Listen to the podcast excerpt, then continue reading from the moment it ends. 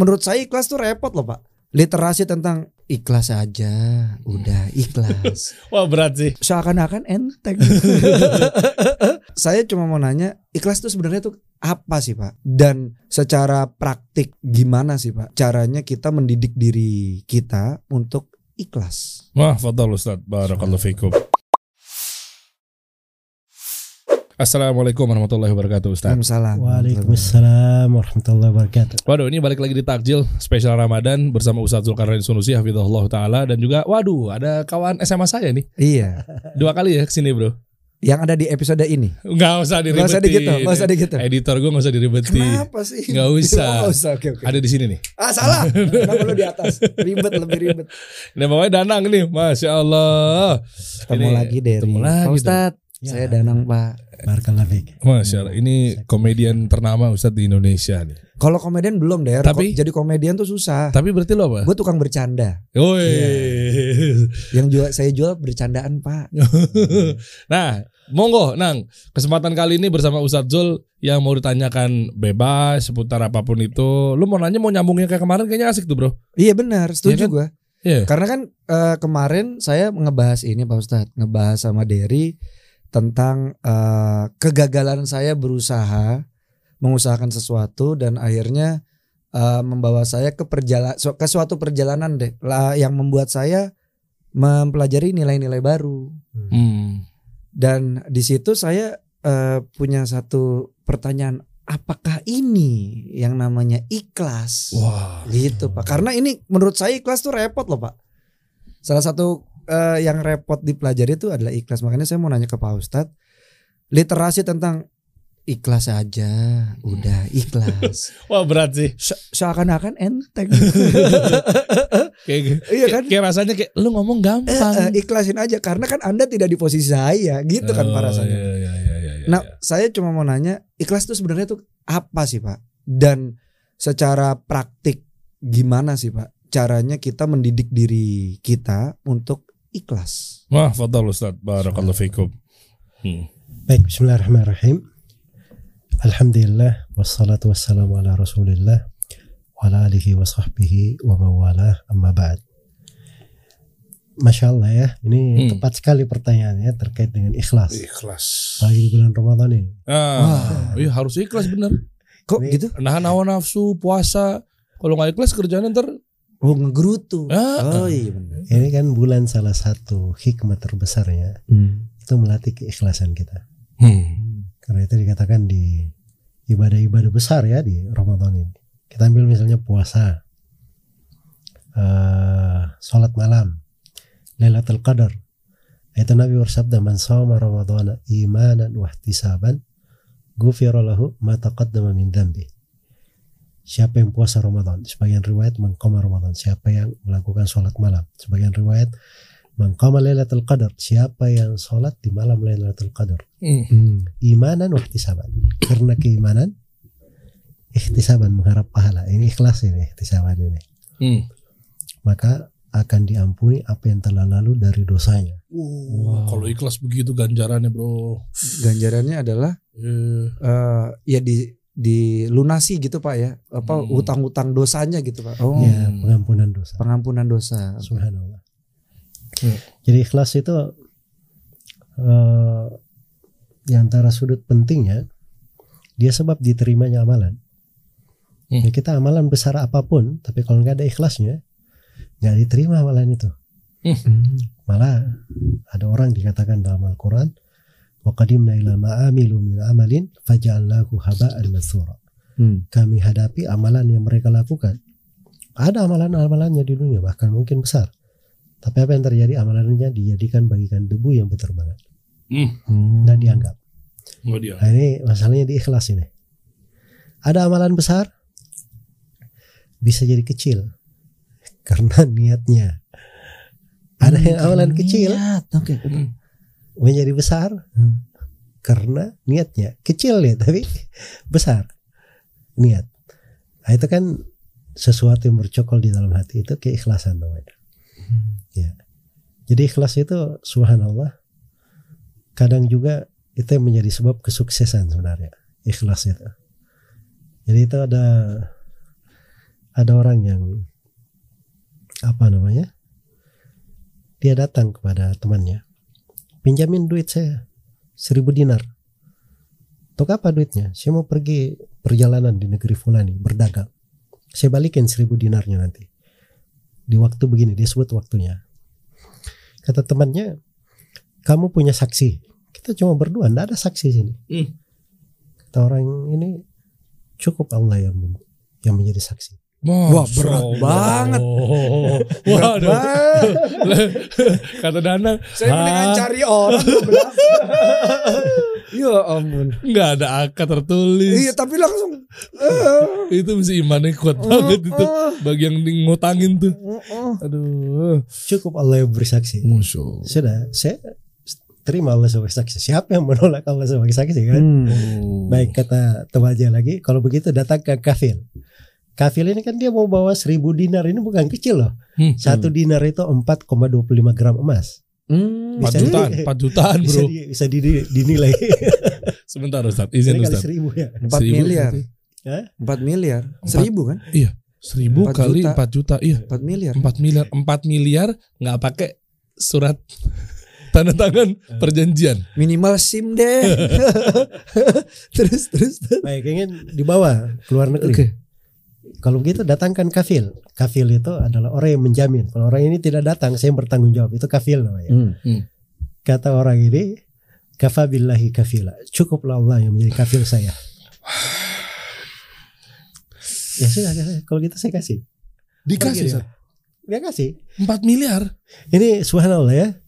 Gimana ini yang memberi keikhlasan dia. Pergilah orang ini berniaga. Di waktu yang ditentukan dia harus balik mengembalikan duitnya. Orang yang minjam ini subhanallah sudah siap di dermaga. Tapi tidak ada perahu yang mengantar dia kembali. Perahu. Dia punya kejujuran. Dia lihat keikhlasan temannya ini. Dia juga apa namanya ketulusan untuk mengembalikan. Akhirnya dia lihat ada eh, kayu mengapung di atas laut. Dia ambil kayu itu. Dia lubangi. Dia masukkan duit itu seribu dinar. Buat balikin duitnya. Ya, terus dia lepas ke laut. Ya Allah. Eh? Saya lihat teman saya ini dia minta saksi kepada saya. Saya bilang engkau adalah saksinya. Dia minta kepada saya kafil. Saya bilang engkau adalah kafilnya. Ya Allah sampaikanlah kayu ini kepada dia. Sudah, lempar kayu ini lepas. Ke laut dia, tawakal. Itu tentunya dia itu menjamin bahwa dirinya nanti kalau ini nggak nyampe dia pasti bayar gitu. loh. Oh. Gitu. Jadi ini bukan dia bayar gak ada gak ada Hmm. ini. Ah. Eh sudah pergi. Temannya yang di sana pemilik duit ini sudah menunggu. Ini kan dia perlu juga duitnya. Hmm, hmm. Biasanya kan kapal ada datang gitu kan. Hmm. Nggak ada kapal yang datang subhanallah. Tunggu ini nggak ada teman saya ini. Dia lihat kapal mengayuh. Kayu Mengapung di- ah. Hmm, hmm. di laut diambil kayu tersebut dia bawa ke rumahnya dia akhirnya cerita kepada istrinya teman saya subhanallah mungkin dia ada udor apa belum datang kita sekarang perlu masak ini kayu saya dap- temu di laut bisa kita manfaatin di belah kayunya ada seribu dinar Allahu Akbar.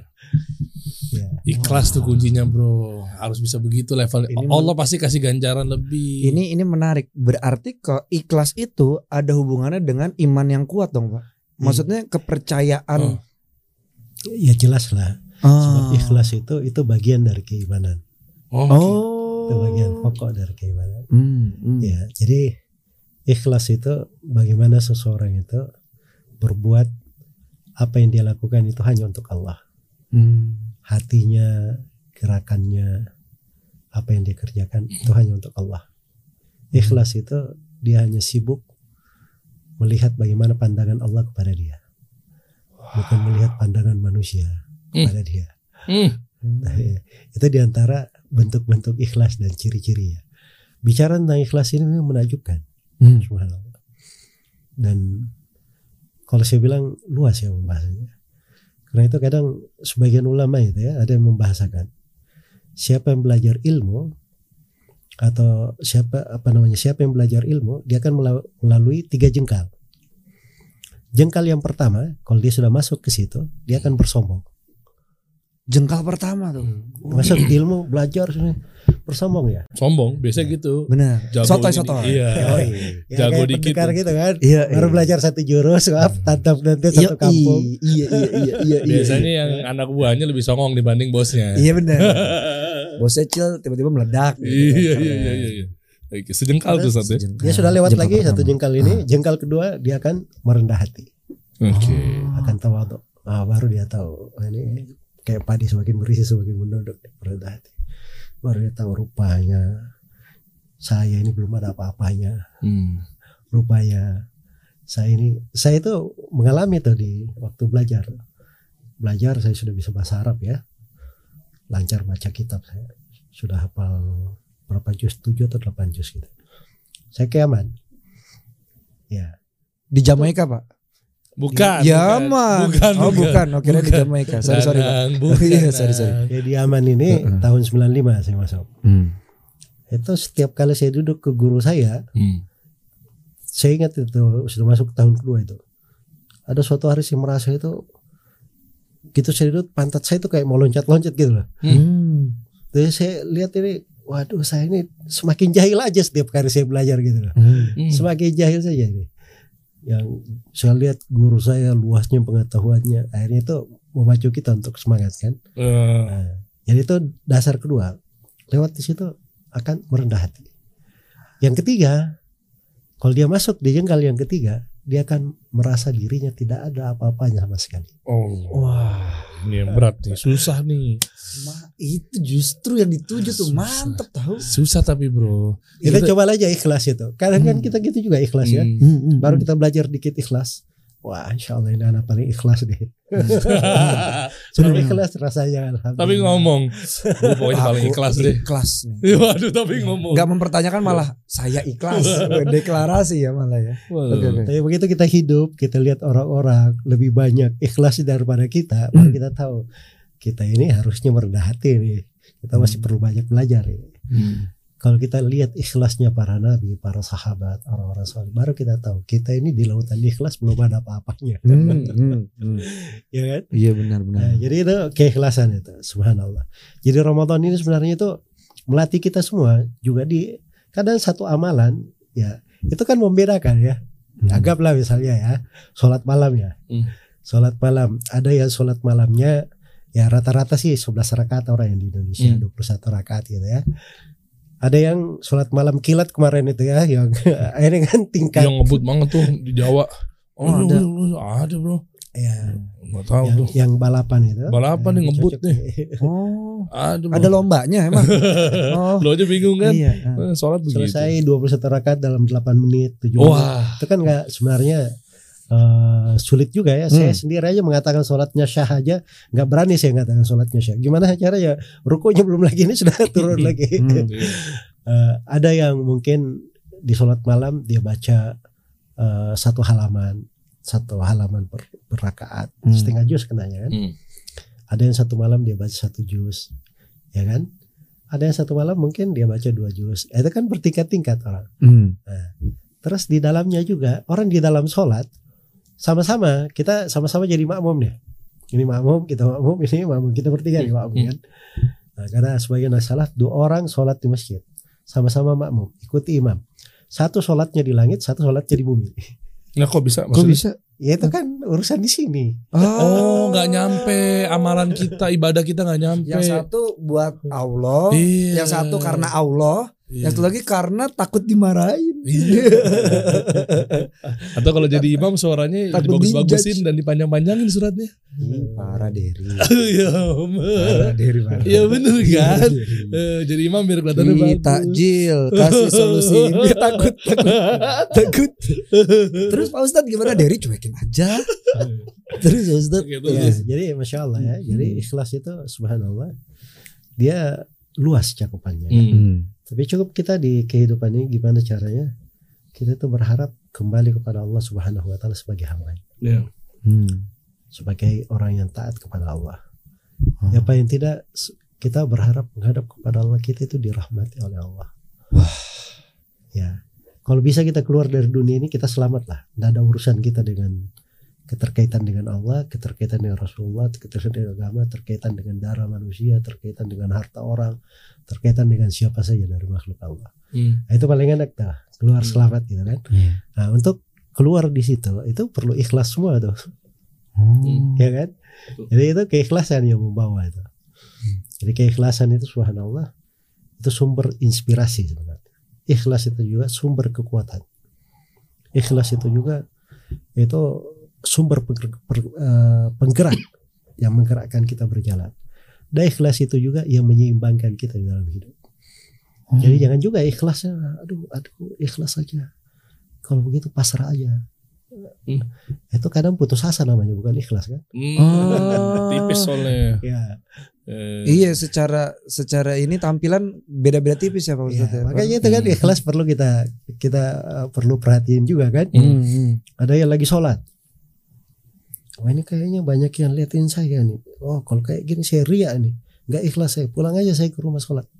Nah, salah juga tuh. Atau saya sholat sunnah di rumah aja lah. Takut saya dilihat orang jadi ikhlas. Ah itu kata para ulama itu malah ria tersembunyi lagi. Hmm. Sebab dia tidak sholat kecuali dia selalu sebenarnya pikirnya dilihat manusia. Iya. gitu kan. Iya.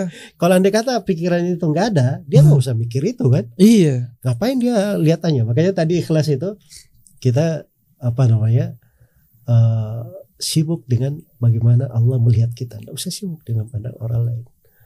Nah, itu dia taruh itu ikhlas. Masya Allah. Berarti latihannya setiap hal yang kita lakuin itu eh, tujuannya karena Allah gitu Pak. Karena Allah. Jadi Kita diniatkannya seperti tadi Pak Ustadz bilang, gue begini karena eh, Allah.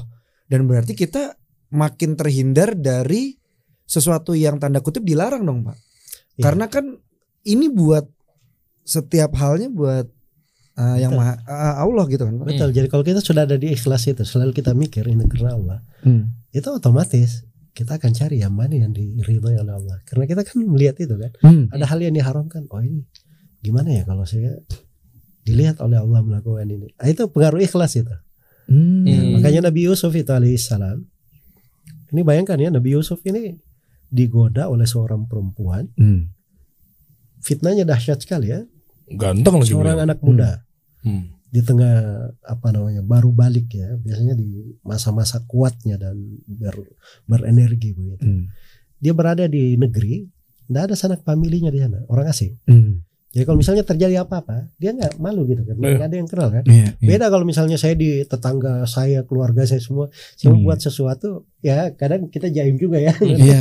mau Iya. udah tahu saja, wah saya kalau tahu sama keluarga saya nanti nggak enak juga saya, kayak gini kan. Hmm. Kadang menghindari, tapi itu tidak ikhlas juga sebenarnya kan. Iya. Ria tersembunyi lagi tuh Ya, Tata. relate lagi. Cuman kan itu jadi bahan pertimbangan orang kan. Ah. Ini Nabi Yusuf nggak, nggak ada orang di situ. Terus dia orang yang disayangi di keluarga itu. Terus beliau, beliau yang diajak, bukan yang mencari. Hmm. Telah dilengkapi, ditutup segala pintu untuk beliau. Tapi bersama dengan itu Allah palingkan beliau di kondisi yang seperti ini, dipalingkan dari kekejian itu. Apa sebabnya? Cuma satu yang disebut dalam Al-Quran alasannya. Innahu kana min ibadi dan mukhlasin. Sungguhnya beliau ini dari hamba-hamba kami yang ikhlas. Bu. Dan keikhlasannya menyebabkan dia dihindarkan Wah. dari hal yang buruk. Jadi ikhlas itu pengaruhnya subhanallah ya, luar biasa. Cuma memang kalau untuk ikhlas itu kita perlu belajar dari ilmu-ilmu agama. Karena ini tadi kan pengetahuan-pengetahuan ya. Iya, Kita kenal definisi, caranya, bentuknya itu kan kita perlu belajar. benar.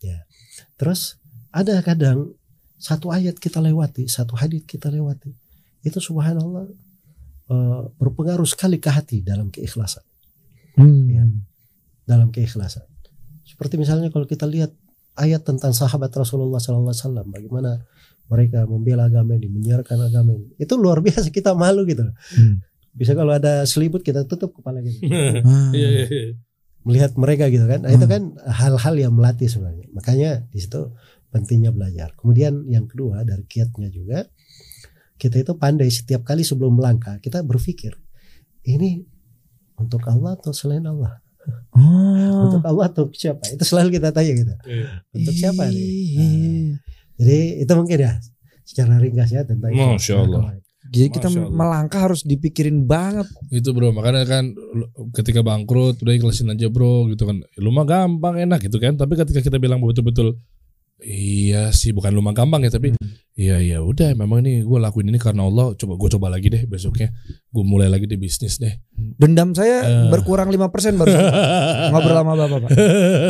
Tadinya dendam, dendam sama seseorang ya. Eh, ada masalah apa Pak Danang? Dendam sama diri sendiri sebenarnya. Kenapa begitu ya? iya. Masya Allah. Ada yang berikutnya lagi mau Ta- nanya? Tapi berarti berhubungan Hmm. dengan itu, Pak, apa yang kita usahain itu untuk eh, maksudnya eh, la- langkah demi langkah kita lakukan eh, karena Allah gitu, Pak ya. Hmm. Eh, dari segala usaha kan kita berusaha juga untuk menjauhi larangan kan, Pak. Betul. Jadi berusaha untuk melakukan sesuatu yang halal. Hmm. Tapi kenapa halal didempetin sama toyiban, Pak? Hmm. Halal, toyib, halal dan baik. Apakah yang halal belum tentu baik? Apakah yang baik belum tentu halal, Pak? Hmm, ya iya bener juga ya. Itu Pak halalan toyiban. ya. Halal and toyiban, jangan-jangan bahasa Inggris. Enggak, bukan Oh. N-nya Dana. Oh, sorry, bukan sorry. Dan, Oh, bukan, bukan, Dan, dan, bukan. sorry. Bukan Dan. Sorry, sorry, sorry. Eh, Itu kan ayat Al-Quran ya. Ya ayuhan nasu kulu uh, mimma fil arti halalan tayyiba. Hmm, hmm, sekalian manusia, makanlah apa yang ada di atas muka bumi, hmm. apa yang halal lagi tayyiban. Oke. Ya.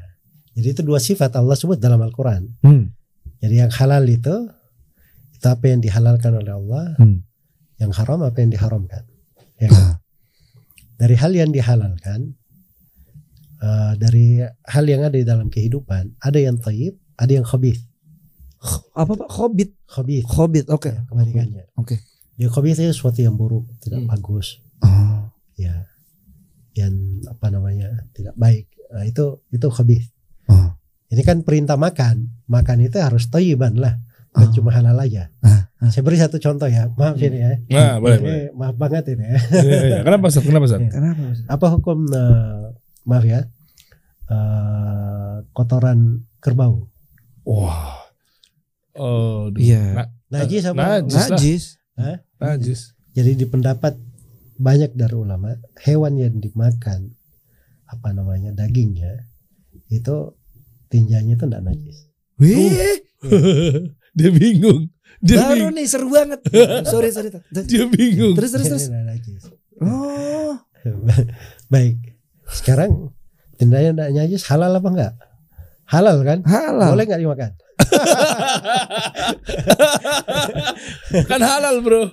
Hah, makan Ya, dong. kena- Kenapa harus ada toyiban? Sebab Hmm. ini Saya mau nyebut nama website Berbahaya. tapi salah tempat. Jangan. Oh iya, sorry, sorry. jangan, dong. Iya, iya. Oh gitu. Ya, Oh, iya. kenapa ada tayyiban? Sebab ini tidak tayyib dia khabith. Jadi Oh. haram dia dimakan. Ah. Walaupun dia sebenarnya bukan najis suci, tapi dari sudut tayyiban dia tidak tayyiban. Makanya hukumnya juga dia menjadi haram untuk dimakan. Hmm. Tapi kalau kalau buat wudhu batal nggak Sat? Eh? Kalau nginjek itu habis wudhu nginjek teh kebo. Jadi dibangun di atas pendapat ulama Hmm. yang mengatakan itu eh, tidak najis, Hmm. eh, apa namanya? Dan juga dibangun di atas pendapat ulama yang mengatakan najis, menginjaknya itu tidak membatalkan wudhu. Hmm. Cuman kita kalau dia bilang najis, dia wajib mencucinya kan begitu. Iya iya iya iya. iya. Kalau tidak najis ya dia hindari aja. Dia bersihin aja. Kan bagus orang sholat bersih gitu kan. Iya. Tapi kalau kita misalnya dikatakan apakah membatalkan wudhu? Tidak. Hmm. Sama dengan ibu-ibu di rumah ya. Kadang Hmm. anaknya buang air kecil atau mentinja gitu. Dia bersihin dia ini. Hmm. Padahal dia sedang berwudhu. Hmm. Nah, sepanjang semuanya sudah dibersihin yang di tangannya. Hmm. Maka wudhunya tidak batal. Wah, ini yang yang banyak belum orang-orang tahu tuh. Iya, iya. Taunya kan aduh habis wudhu nih udah aduh kamu deh yang gantiin popok deh istri misalnya gitu. Eh. Ntar aku masa ribet wudhu lagi nih. Padahal Hmm. cuma cuci tangan aja Sat ya. Itu enggak ada di pembatal-pembatal wudhu yang disebut oleh Oh, oke. Tapi tadi menarik ya mengenai balik lagi ke teh kebo tadi. Ya, sopan gak sih ngomongnya? Kotoran kerbau kali ya. Iya. Teh kebo jadi hormat gitu dong. Eh, teh kebo, bukan kebo. beda, Saya beda. kan minta maaf tadi. Ah. Iya, iya, betul, betul. Enggak, Ustaz udah sopan. Ustaz udah sopan. Emang Derry sama saya yang jadi problem tat. Ustaz udah Ustaz rapi ya. Iya, Apa- apa, Ustaz rapi. Wibawa. Ah, ah. Guru kan ngerti disclaimer. Ngerti. Maaf, udah maaf kotoran kerbau. Ah. Kita udah nggak maaf teh kebo teh Take keboan. abau. Ah, ah. Itu bahasa Inggris Iya, kebo. sorry, sorry. Nah, eh, itu menarik mengenai halalan dan toyiban. Berarti Hmm. ketika memang disinyalir ini halal, tapi baik nggak? Itu dulu tuh. Iya. Karena nggak semua yang halal itu baik, nang. Iya makanya kan ini Eh, kan eh. berhubungan dengan usaha juga kan Hmm. Ustadz. Jangan-jangan sebenarnya ini ini ini asumsi saya Tat ya. Tapi mungkin kurang baik untuk saya dan sekitar karena belum ada ilmunya dulu, Hmm. makanya disudahi gitu, di, izin dari Allahnya. Eh, lu udahan dulu deh, lu belajar dulu, baru nanti usaha lagi. Uh, bangkrutnya habis-habisan Jangan- usahanya Ustaz. Toyib ini Iya, ginjal iya. saya tinggal satu tat. Jadi makanya tadi aku- gitu ya. Halalan toyiban itu banyak contohnya. Ah. Ini kan ini kan halal semua ini. Halal iya. Iya iya. halal semua. Ini halal Ya benar. kan? Ya toyiban toyiban juga kita pakai. Tapi bisa dimakan nggak? Enggak Nah, bisa. Kalau bisa. dimakan jadi nggak toyib. lagi kan? Iya betul. Kan ma- makanya bahasanya itu kulu makan lah. Itu kan perintah makan. Oh. Kalau Masalah pemanfaatan itu lain lagi pembahasannya dari pemanfaatan. Oh iya iya iya. iya. Begitu nah. Nah berarti kalau sesuatu yang uh, toyib tapi nggak halal ada tat? Ada lah yang kan kita sudah beri contoh tadi. Oh. Ya, kadang dia toyib dalam artian dia bukan najis. Oke oke oh yang Ya, itu oke kan bisa kotoran dipakai tadi untuk ya. pupuk juga kan sebenarnya. Iya. Toyib Hmm. juga harus bisa dipakai pupuk ya. dipok-pok-pok Oh sorry sorry. ditepok Iya, gitu. iya. Oke oke. Eh, Oke, Ini atau enggak menarik nih. atau enggak alkohol ya, Zat? Bisa enggak sama enggak? Alkohol enggak toyib kalau untuk memabukan makanya jadi haram. Gitu enggak? Bukan, beda lagi, Zat. Beda. Jadi, Bisa eh, enggak tuh? Sebab-sebab eh, makanan itu diharamkan itu sudah jelas. Jadi asalnya makan dan minum itu itu adalah halal. Hmm. Kecuali kalau ada dalil khusus dalam syariat yang menjelaskan itu adalah haramnya. Hmm. Di antara sebab dia diharamkan itu banyak sebab. Ada satu karena dia misalnya berbahaya. Hmm. Bahaya itu kan banyak namanya. Ada untuk racun. Hmm. Orang makan kaca kan kaca ya bagus aja kita pasang ini. Hmm. Ya halal tapi toyib juga sih kalau kita pakai untuk apa gitu kan. Hmm. Tapi kalau dimakan kacanya habis lagi. Selesai udah lambung. Iya benar. Iya iya iya iya iya.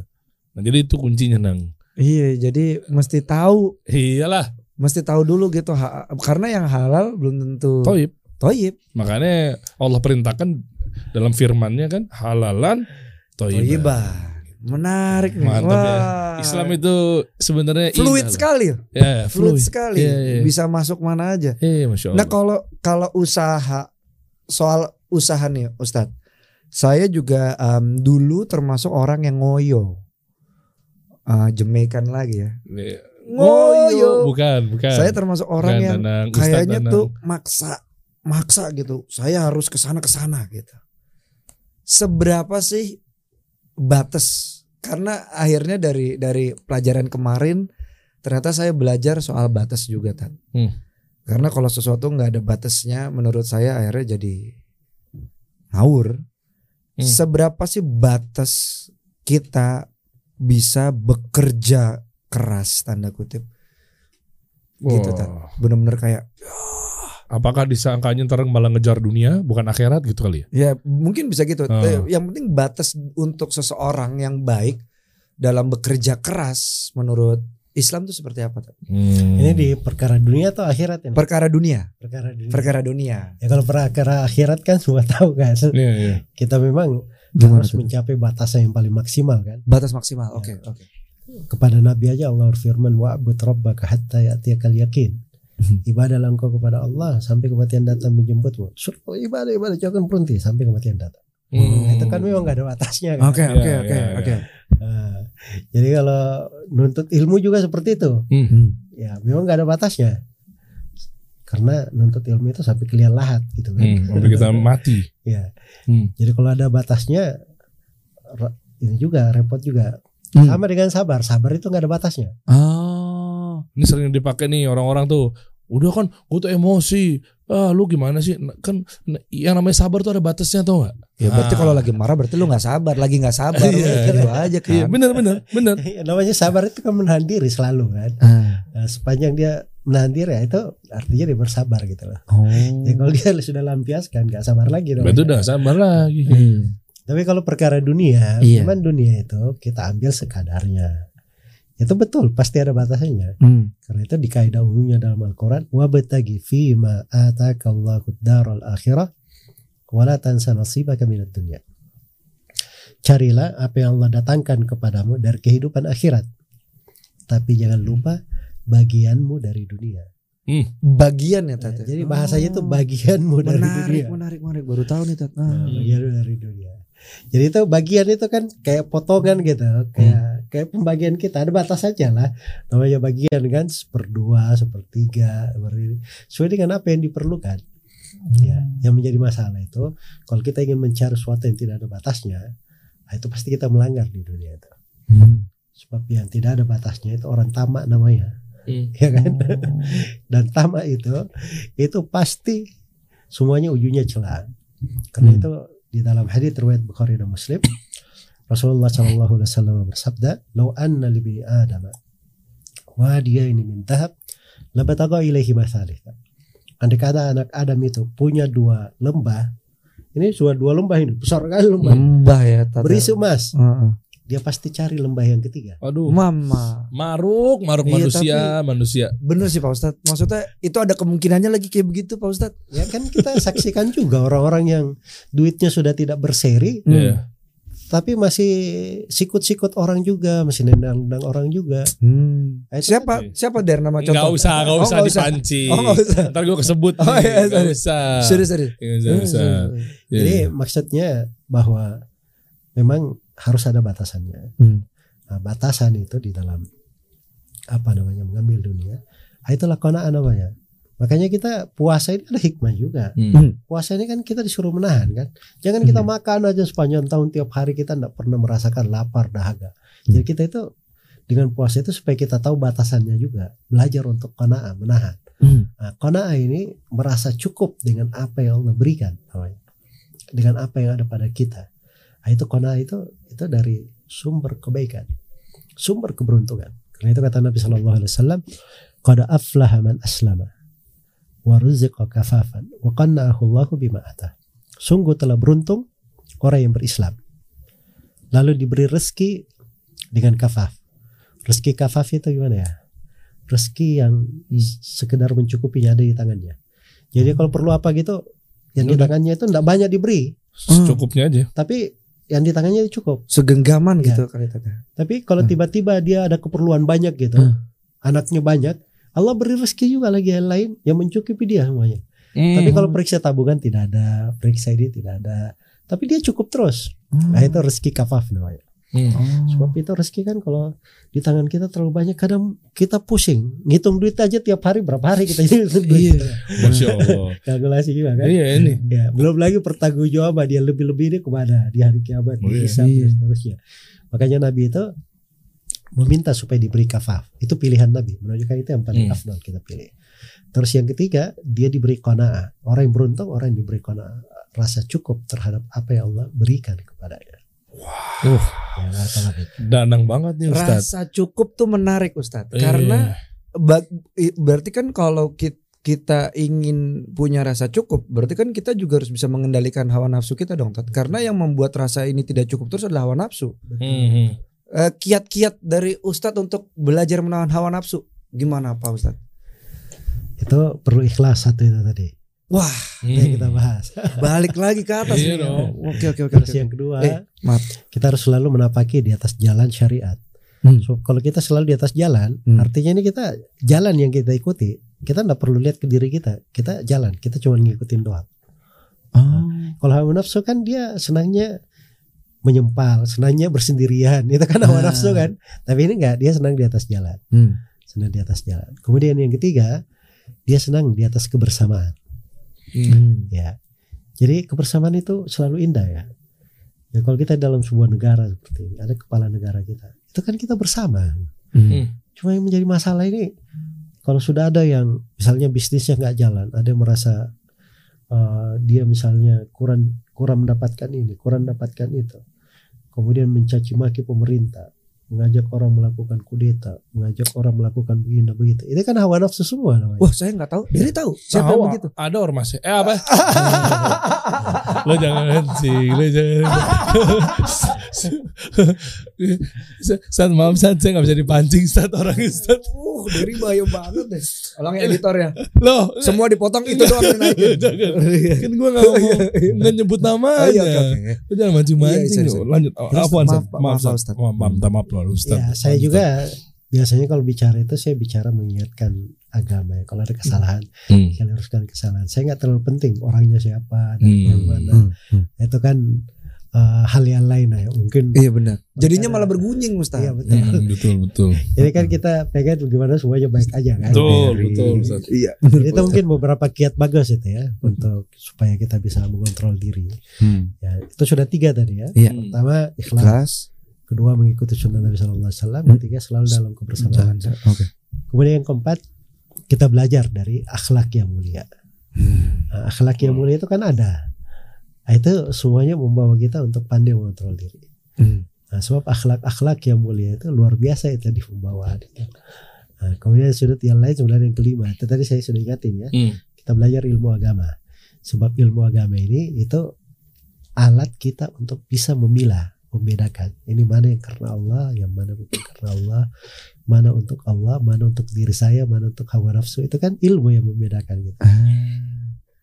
Ber- Masya Allah. Tapi gimana cat? Ini saya banyak nanya nggak apa-apa ya Pak. Ustadz ya. Ini mumpung ada Ustadz nih. Eh saat terpuruk, saat terpuruk itu saya benar-benar ada momen di mana saya diem dan itu maaf ya Pak Ustadz ya kayak kalut gelap gitu, kayak mencari kok nggak ada cahaya sama sekali. Di dalam kondisi seperti itu tuh baiknya apa sih yang yang bisa dilakuin karena mungkin yang lagi nonton juga jangan-jangan lagi ada di posisi itu gitu. Pak Ya itu Ustadz. pasti dalam hidup itu ada selalu ada ya Pak Ustadz? ya? ada yang naik, ada yang turun, Oke. ada yang berjaya, ada yang terpuruk, Oke. ada yang berhasil, ada yang sedang bangkrut, Hmm. ada yang kaya, ada yang miskin, Hmm. ada yang sukses, ada yang gagal. Hmm. Itu selalu dalam kehidupan. Hmm. Allah berfirman, "Wa tilkal ayyamu nudawiluha bainan nas." Itulah hari-hari kehidupan kami persilih gantikan di tengah manusia.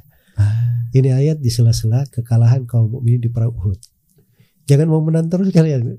Jadi kalau kalian kalah juga, itu hari-hari memang Allah bergantikan Oh di iya. tengah manusia. Ini saya baru dengar nih Ada, ternyata iya. di antara kejayaan kita kita juga eh, wajar ya tatnya kalah tuh wajar ya. Iya makanya. Iya. Ya Allah Tapi contohkan ketika di bedanya, perang Uhud itu. eh, Ustadz. bedanya kekalahan untuk selain mukmin itu Hmm. menambah siksaan untuk dia. Hmm. Tetapi kekalahan untuk seorang mukmin itu Hmm. membawa berbagai hikmah dan inspirasi baru Pembelajaran. untuknya. Nah, itu perbedaannya. Makanya di dalam hadis itu Nabi Shallallahu Alaihi Wasallam bersabda, Hmm. "Likulli amalin syirrah, wa likulli syirratin fatrah. Wa man kanat fatratuhu ila sunnati faqad ihtada, wa man kanat ila ghairi dhalik faqad halak." Setiap amalan ada semangat di belakang. Hmm. Orang semangat, serius melakukannya. Di belakang setiap semangat pasti ada kelusuan. Akhirnya masa-masa terpuruk itu kan masuk di sini juga kan. Hmm. Lesu, terpuruk. Atau Iya betul. Nah, di situ Nabi kasih ukuran. Ukuran itu sederhana. Siapa yang di masa terpuruk ini, di masa fatra ini, lesu ini, dia tetap di atas sunnah, dia dia maka dia di atas hidayah. Oh. Oke, kena kena masalah besar. Tapi kita tetap sholat lima waktu, alhamdulillah, tetap istighfar, berdoa kepada Allah. Sebagian ulama itu berkata itu orang-orang yang soleh itu, orang yang bertakwa. Itu tidak mungkin Allah tidak berikan apa yang dia minta. Jadi jangan mempermasalahkan dari sudut Allah. Yang masalah itu di sudut kita gitu loh. Nah, Hmm. Kita ini yang banyak masalah. ih, Kita yang belum benar gitu. itu Pak Ustadz kadang-kadang Jadi kadang suka- kan kita doa-doa kenapa belum dikabulin? Dia mikir Allah belum ngabulin. Padahal kita ini kadang berdoanya nggak ikhlas. Ah, Iya. Kalau selalu eksternal benar- ya Pak Ustadz ya disalahin. Iya, Ya, ya, kalau ya. kalau kalau kita benar, Allah pasti beri gitu loh. ah, Itu kan harus harusnya di dihadirkan dan cakep ya seperti itu. oh. Jadi itulah mungkin ya. Masya Allah. Luar biasa ya. Pak Ustadz. Pak Ustadz terima kasih Iya, banyak. iya, jadi kadang kita kalau minta kan hari ya sholat subuh minta pas sudah menuju ke sholat zuhur mana nih kan gue udah minta katanya Allah yang maha pemberi katanya mana nih ah itu kan gak ikhlas Iya. mintanya aja udah begitu Kok berani ngatur-ngatur Tuhan? nah Nah, iya. masa ngatur-ngatur Allah? nah udah udah udah ngerti masya Allah ya Iya nggak? Kadang eh, suka deg-degan gitu. Pak. Orang-orang kadang-kadang ngatur yang bikin ya. Iya. ngatur Takut deh. bener Iya. ngatur Ih, takut. Ngatur-ngatur yang maha ngatur. waduh Waduh. aman ya Nang ya Aman. udah kebuka Ustadz, semua ya terima kasih Pak Ya, Ustadz. ya sama-sama Ustadz makasih Ustadz ya. Buat Derry apa Hati-hati lagi ya. apa hati-hati. kan aku nggak nyebutin namanya Aku sayang kamu tapi hati-hati. Syukran Ustadz ya Jazakallah khair Ustadz terima kasih banyak.